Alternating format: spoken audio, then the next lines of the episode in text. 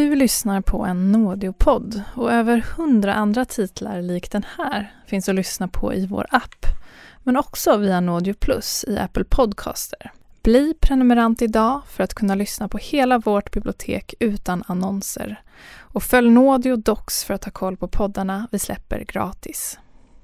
Hej, Susanne Axel här. När du gör som jag och listar dig på en av Krys vårdcentraler får du en fast läkarkontakt som kan din sjukdomshistoria. Du får träffa erfarna specialister, tillgång till lättakuten och så kan du chatta med vårdpersonalen. Så gör ditt viktigaste val idag, lista dig hos Kry.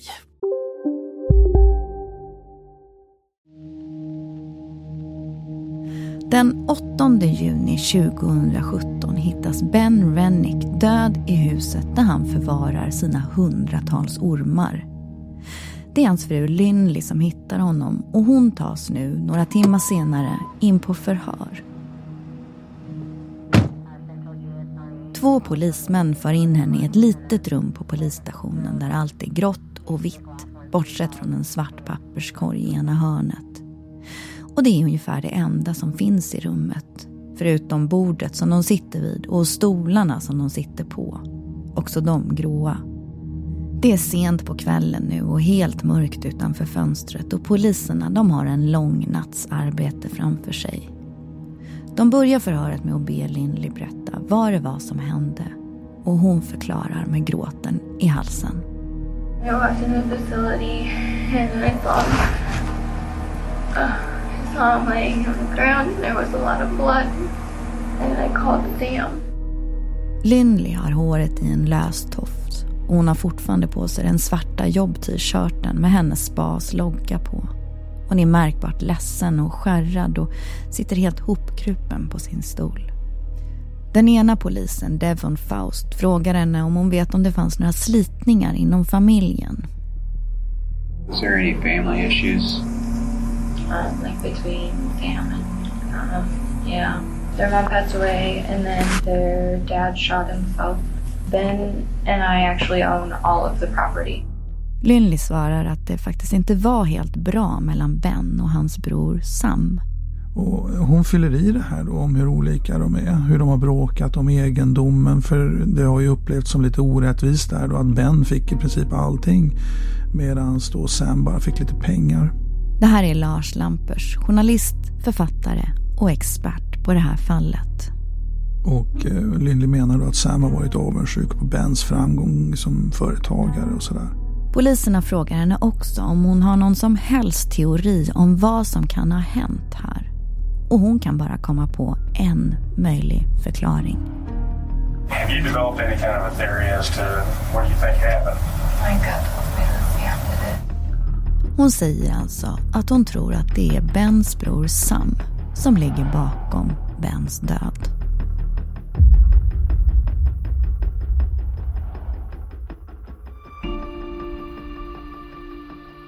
Du lyssnar på Mordet på reptilkungen. En dokumentär i tre delar om lögner, svek och ormar. Jag heter Tove Friman Leffler och det här är del två. Giftiga lögner. Men vi ska ta oss tillbaka några timmar till när Ben hittas. Det är alltså en ljummen junikväll 2017 och på en gård på landsbygden i Missouri så har Lynley precis funnit sin man död. I rummet där han förvarar sina hundratals ormar och hon ringer då 911. Husband's on the ground and there's blood everywhere. När Lynley ringer så har operatören svårt att förstå vad hon säger. Hon bara skriker. Men hon har också ringt då efter Sam som ju bor alldeles i närheten och han skyndar dit då till det här ormhuset för att se vad det är som har hänt. Och han tar över telefonen och pratar med larmoperatören. Oh my God, my brother's dead. What what may have happened? He got killed by a snake. Ja, Bens bror Sam tror alltså att det måste vara en orm som har dödat Ben. Vi hör honom berätta i dokumentären How I Caught My Killer om när han fick samtalet från Lindley. On June 8th, I was working at the farm. That's when I got the call from Ben's wife, Lindley. She called hysterical. So I headed towards the snake facility. She led me to the body. When I found Ben's body, he was face down. I had to turn him over to check him. Sam berättar alltså för poliserna att det finns ormar här och att han tror att Ben har blivit dödad av en av de större ormarna. Så när polisen kommer till platsen och går in i ormrummet då är de redo att skjuta mot en stor orm som är lös. Ingen av de här poliserna har ju någon erfarenhet av ormar eller vet något om dem så att eh, de tar sig fram försiktigt när de kommer dit och med dragna vapen. Och eh, en sjukvårdare tar under tiden hand om Lynley och hon är ju alldeles uppriven och bara skriker hela tiden och man förstår liksom inte riktigt utifrån henne då vad det är som har hänt egentligen.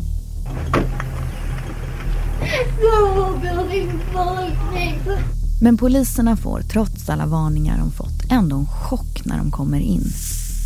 Det är verkligen många, många fler ormar än vad de hade trott. Och dessutom så tycker de att det är någonting läskigt med det här rummet. Det är så vitt, så sterilt och så välstrukturerat. There's a snake every four inches in here. I don't know what to stop. Paramedic said there's a bite mark on him, so there's a snake loose in here. So watch your... Ja, Ben har ett bitmärke på armen och det gör förstås poliserna ännu mer nervösa.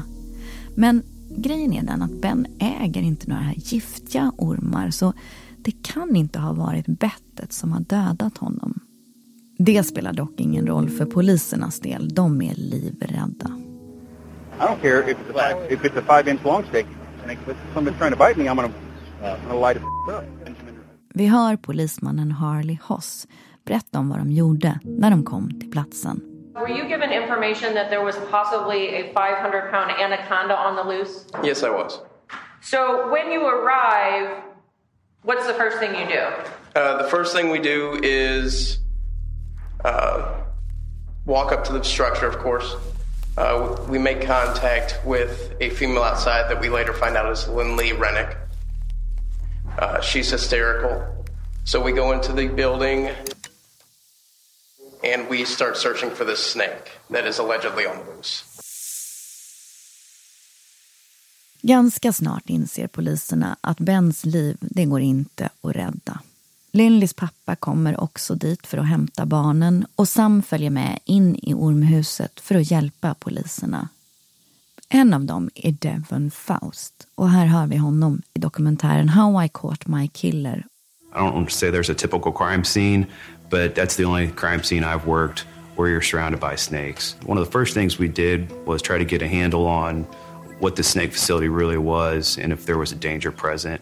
Längs väggarna i ormhuset är det, som vi berättat tidigare, fullt av små utdragbara lådor i genomskinlig plast där man ser ormar i olika färger och mönster kravla runt. Vissa lådor är större och i dem finns till exempel anakondor. Det är en form av boaorm och de kan bli fem meter långa och väga 150 kilo. Så polisen misstänker direkt att det kan vara en sån som dödat Ben. Eftersom man inte har några giftormar så måste det ju vara en boaorm som alltså kramat ihjäl honom. Men när man tittar runt då i lokalen så hittar man inga spår efter någon förrymd orm. Bara då ett hål i en mindre låda men där ligger bara en liten pytonorm då och slappar så det kan det ju inte handla om. Och när rättsläkaren kommer dit och tittar närmare på Ben så tycker han inte att det ser ut som att det är en orm som har dödat Ben. Och dessutom när poliserna kollar runt lite i lokalen så hittar de faktiskt något på golvet. Precis under den här trasiga lådan med den lilla pytonormen i så ligger det en tomhylsa. Och nu börjar man förstå att det här handlar om något helt annat. Ben måste ha blivit skjuten. Och när man vänder på honom, då för han ligger på rygg här, då ser man att han har sju skottskador i ryggen och ett i huvudet. Så helt plötsligt befinner sig poliserna på en brottsplats och fallet handlar nu om ett mord och en mordutredning. Och nu gäller det att ta reda på hur Ben kan ha blivit skjuten. Det första poliserna gör det är att rutinmässigt ta med sig Sam och Lindley till polisstationen för att förhöra dem. Det är som sagt en rutinåtgärd. Polisen förhör alltid de som var på platsen och hittade offret och i det här fallet så är ju det just Sam och Lindley. För Sam hade ju allt det här kommit som en fullständig chock. Han kunde ju inte se någon som eh, skulle vilja Ben illa. Men samtidigt så beskriver han när han pratar med polisen relationen mellan honom själv och Ben som lite problematisk. De hade inte så mycket gemensamt, var väldigt olika. Han tyckte att Ben var jobbig och skrytsam med hur bra det gick för honom och hur mycket pengar han tjänade och sådär. Vi hör polisens förhör med Sam. Ben got ownership of the land. I got most of the money.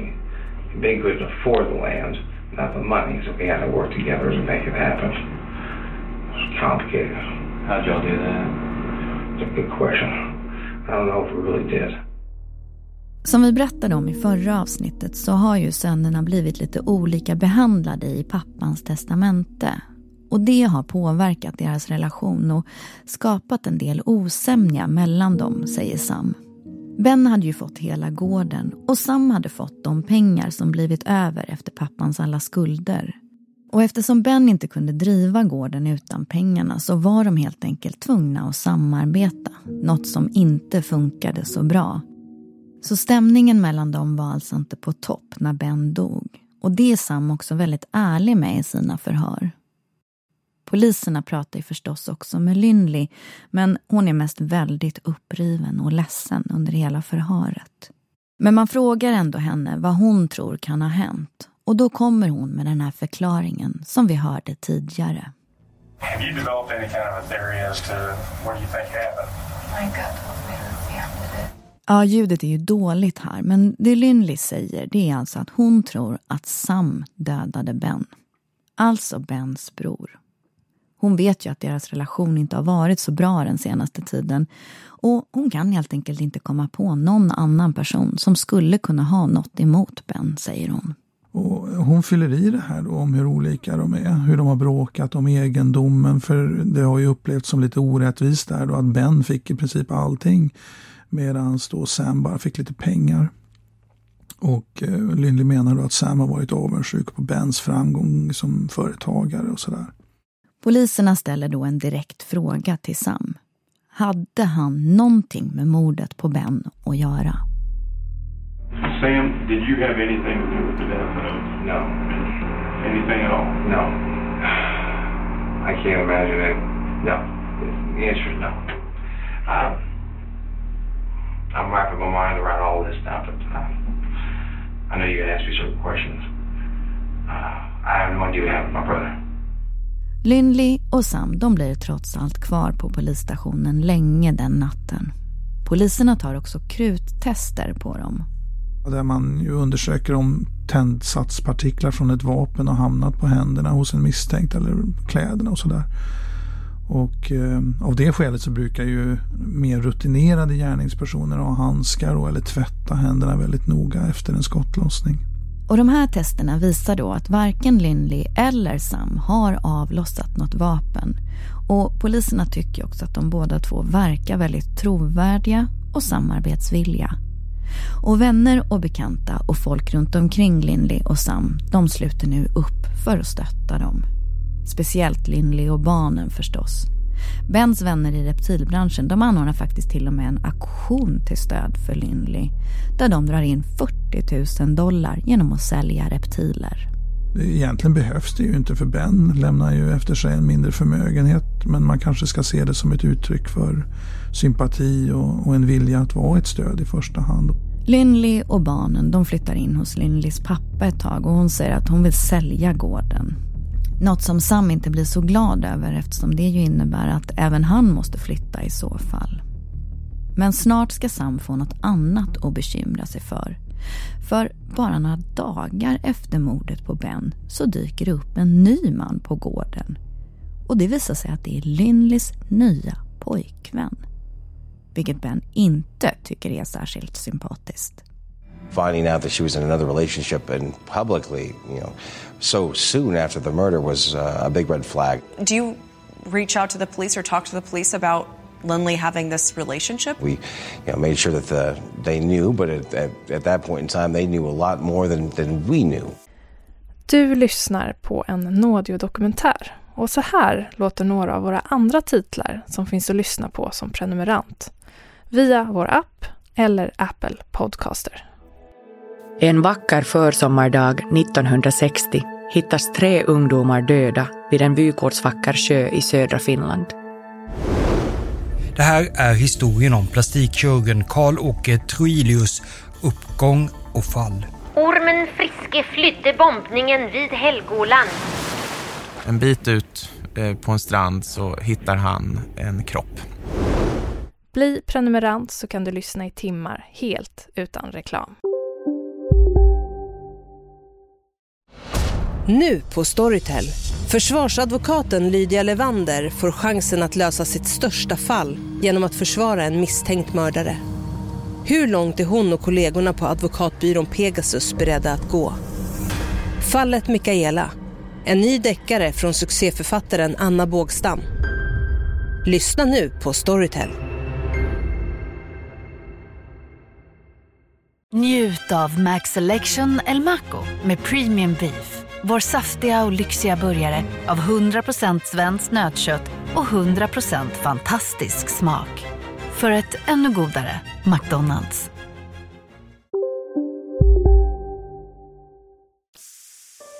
Lindleys nya kille heter Brandon Blackwell och han är upp över öronen förälskad i Lindley.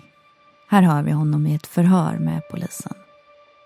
Lindley and I have definitely formed like a very special connection and she's the most amazing woman I've ever met. Brandons och Lindleys relation blir snabbt seriös och det är inte bara Sam som tycker att det här går lite väl snabbt. Även många av Lindleys och Bens vänner känner att det är lite märkligt alltihop, är det inte det? Samtidigt så har flera personer i hennes omgivning svårt att sätta sig till doms över henne. Man tänker liksom att ja, hon har ju råkat ut för den här enorma tragedin och det är kanske inte så konstigt om hon behöver tröst och omtanke och, från en person som den här Brandon Blackwell. Då. Och det är kanske inte heller så konstigt eh, om hon distanserar sig från Bens övriga familj också, tänker man, och vill vara i fred och, och och kanske starta om på något sätt. Ja, så vännerna försöker att inte döma Lindley och hennes nya liv med Brandon. Men trots Sams invändningar så säljer Lindley ändå gården och får ungefär motsvarande 8 miljoner kronor för den. Så Sam får vackert leta efter ett nytt boende.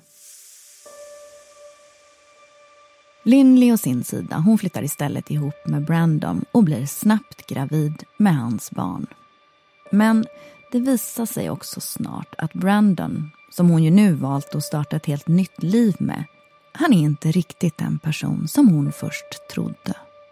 Och det här är ingen vidare trevlig person och det upptäcker Lindley snart också, men då är det för sent. va? Då har hon redan fastnat i hans nät och det kan hon inte lämna utan hot och trakasserier och förföljelse från hans sida. Nej, nu bor ju Lindley med Brandon och hon är ju dessutom gravid med hans barn så det är inte så lätt att göra slut på det här trots att Brandon blir allt mer aggressiv.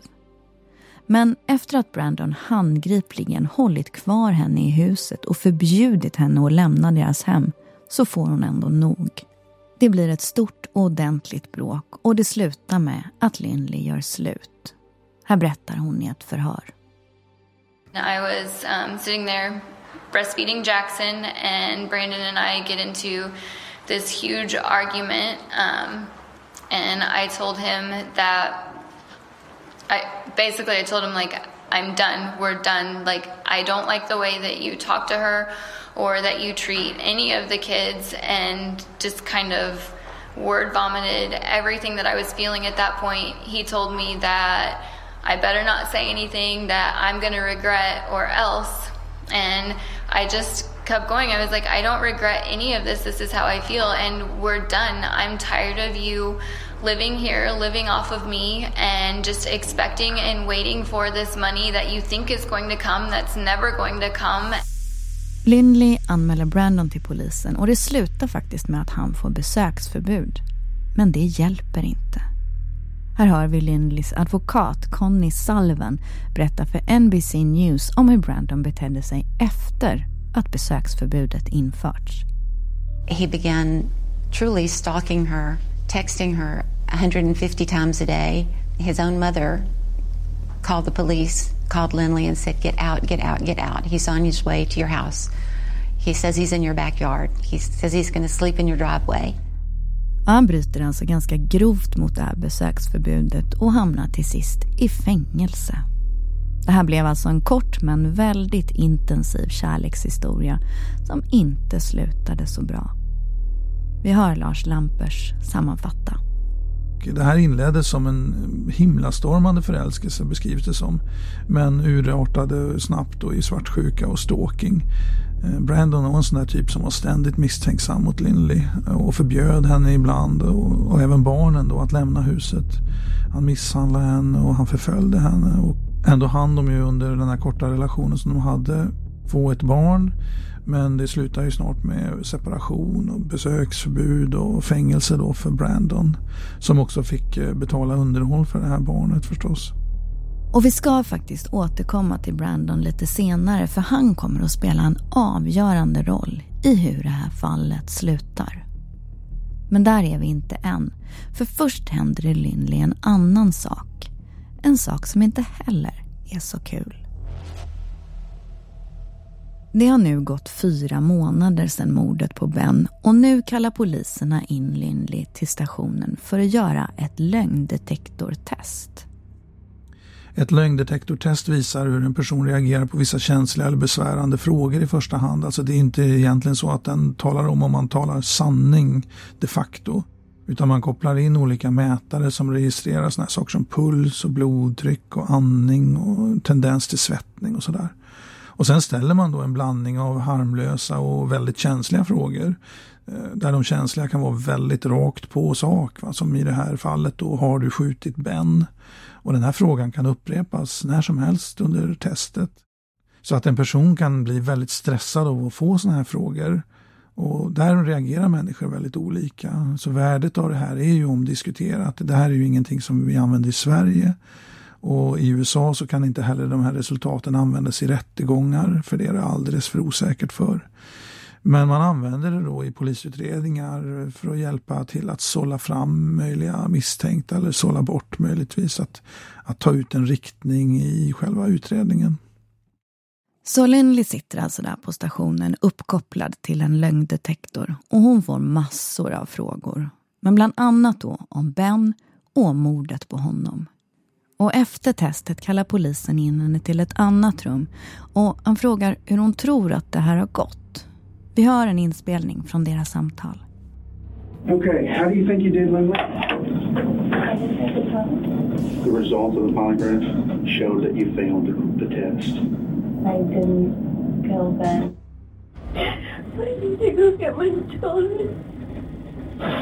Lindley har alltså misslyckats på lögndetektortestet och det innebär att hon har reagerat avvikande när hon har fått frågor om Ben och mordet. Och Lindley kan inte förklara varför det är så. Det polisen naturligtvis reagerar över det är att Lindley misslyckas i det här lögndetektortestet. Särskilt då när hon får de här raka frågorna om hon har dödat Ben. Då rör sig den här nålen rätt ordentligt som ger utslag eh, på hennes reaktioner. Ett sånt här test räcker, som Lars Lampers nämnde förut, inte för att gripa någon. Men poliserna blir ändå rätt misstänksamma mot Lindley nu. Kan det vara så att hon faktiskt är inblandad i mordet på något sätt? Mordet på sin egen make. Men det finns förstås även andra spår som utredarna undersöker parallellt. Det ena är ju om det på något sätt handlar om en hämnd från de här personerna som råkade illa ut när Bens pappa Frank höll på med sina bedrägeriaffärer. Men det verkar ju väldigt långsökt. Alltså Bens pappa tog ju livet av sig eh, eftersom han var då misstänkt för brott redan 2012. Och skulle någon då fem år senare skjuta hans son för det här? Och det verkar ju lite osannolikt. Vi hör en av utredarna berätta för NBC. We have to keep our minds open that you know this could still be something from the Rennick's past uh, coming back to their land.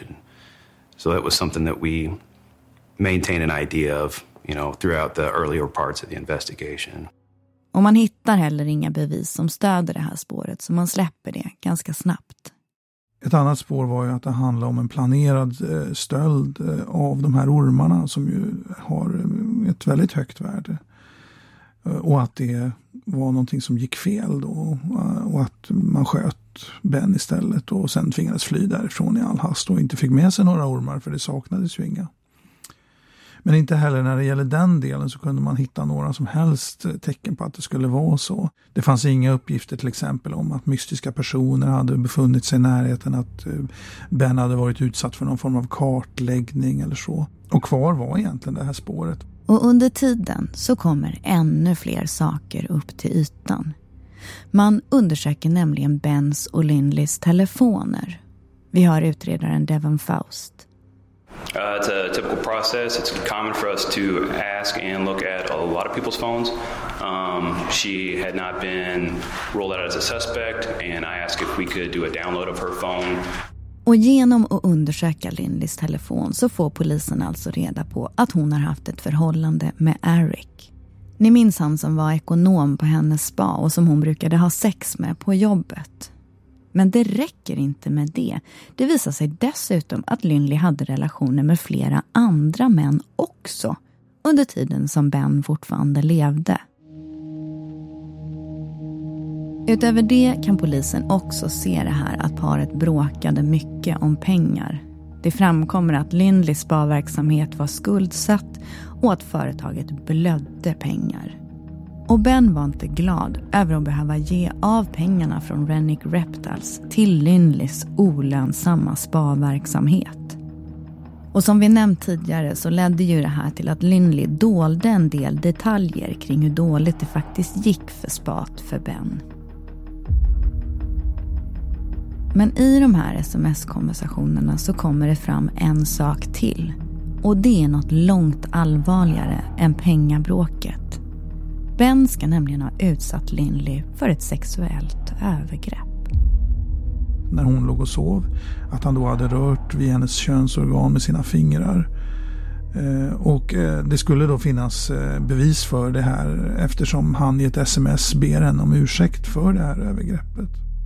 Ja, att Lindley var olycklig i den här relationen kom ju inte direkt som någon överraskning.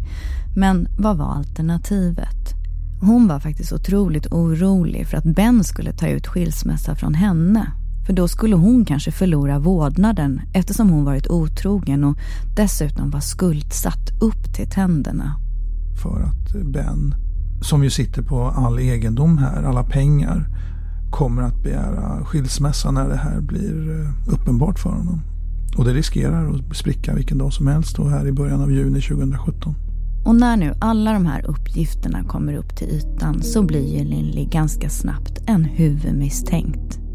Under sensommaren och hösten försöker polisen pressa henne på mer information men de får inte fram någonting och då kan de faktiskt inte göra så mycket.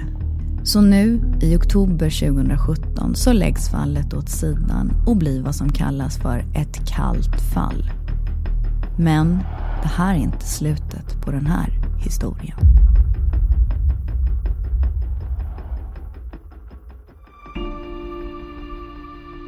I nästa avsnitt. No, she's gonna be in prison and that baby's gonna be mine. This is what's gonna happen. I'll try to burn that bitch. I mean, that's about all I know to do. Lindleys ex Brandon vänder hela utredningen upp och ner. Och nu börjar fler personer prata. Feeling sorry for is one thing. Why would you actually actively participate trying to murder somebody? Why would, why would you do that? I don't know. Här handlar det inte om några ultimatum då utan eh, nu sätter man hårt mot hårt här och, och eh, konfronterar dem då med alla de uppgifterna man har. Utredarna gör allt de kan för att lösa mordet men har de tillräckligt att gå på för att få till en rättegång? Du har lyssnat på andra avsnittet av Mordet på reptilkungen. En dokumentär i tre delar av Poddligt för Nådio. Producent är Elisabeth Pollack. Ljudläggning och mix stod Jens Nielsen och Thomas Reinaj för och exekutiv producent är jag, Tove Friman Leffler. Tack för att du lyssnar.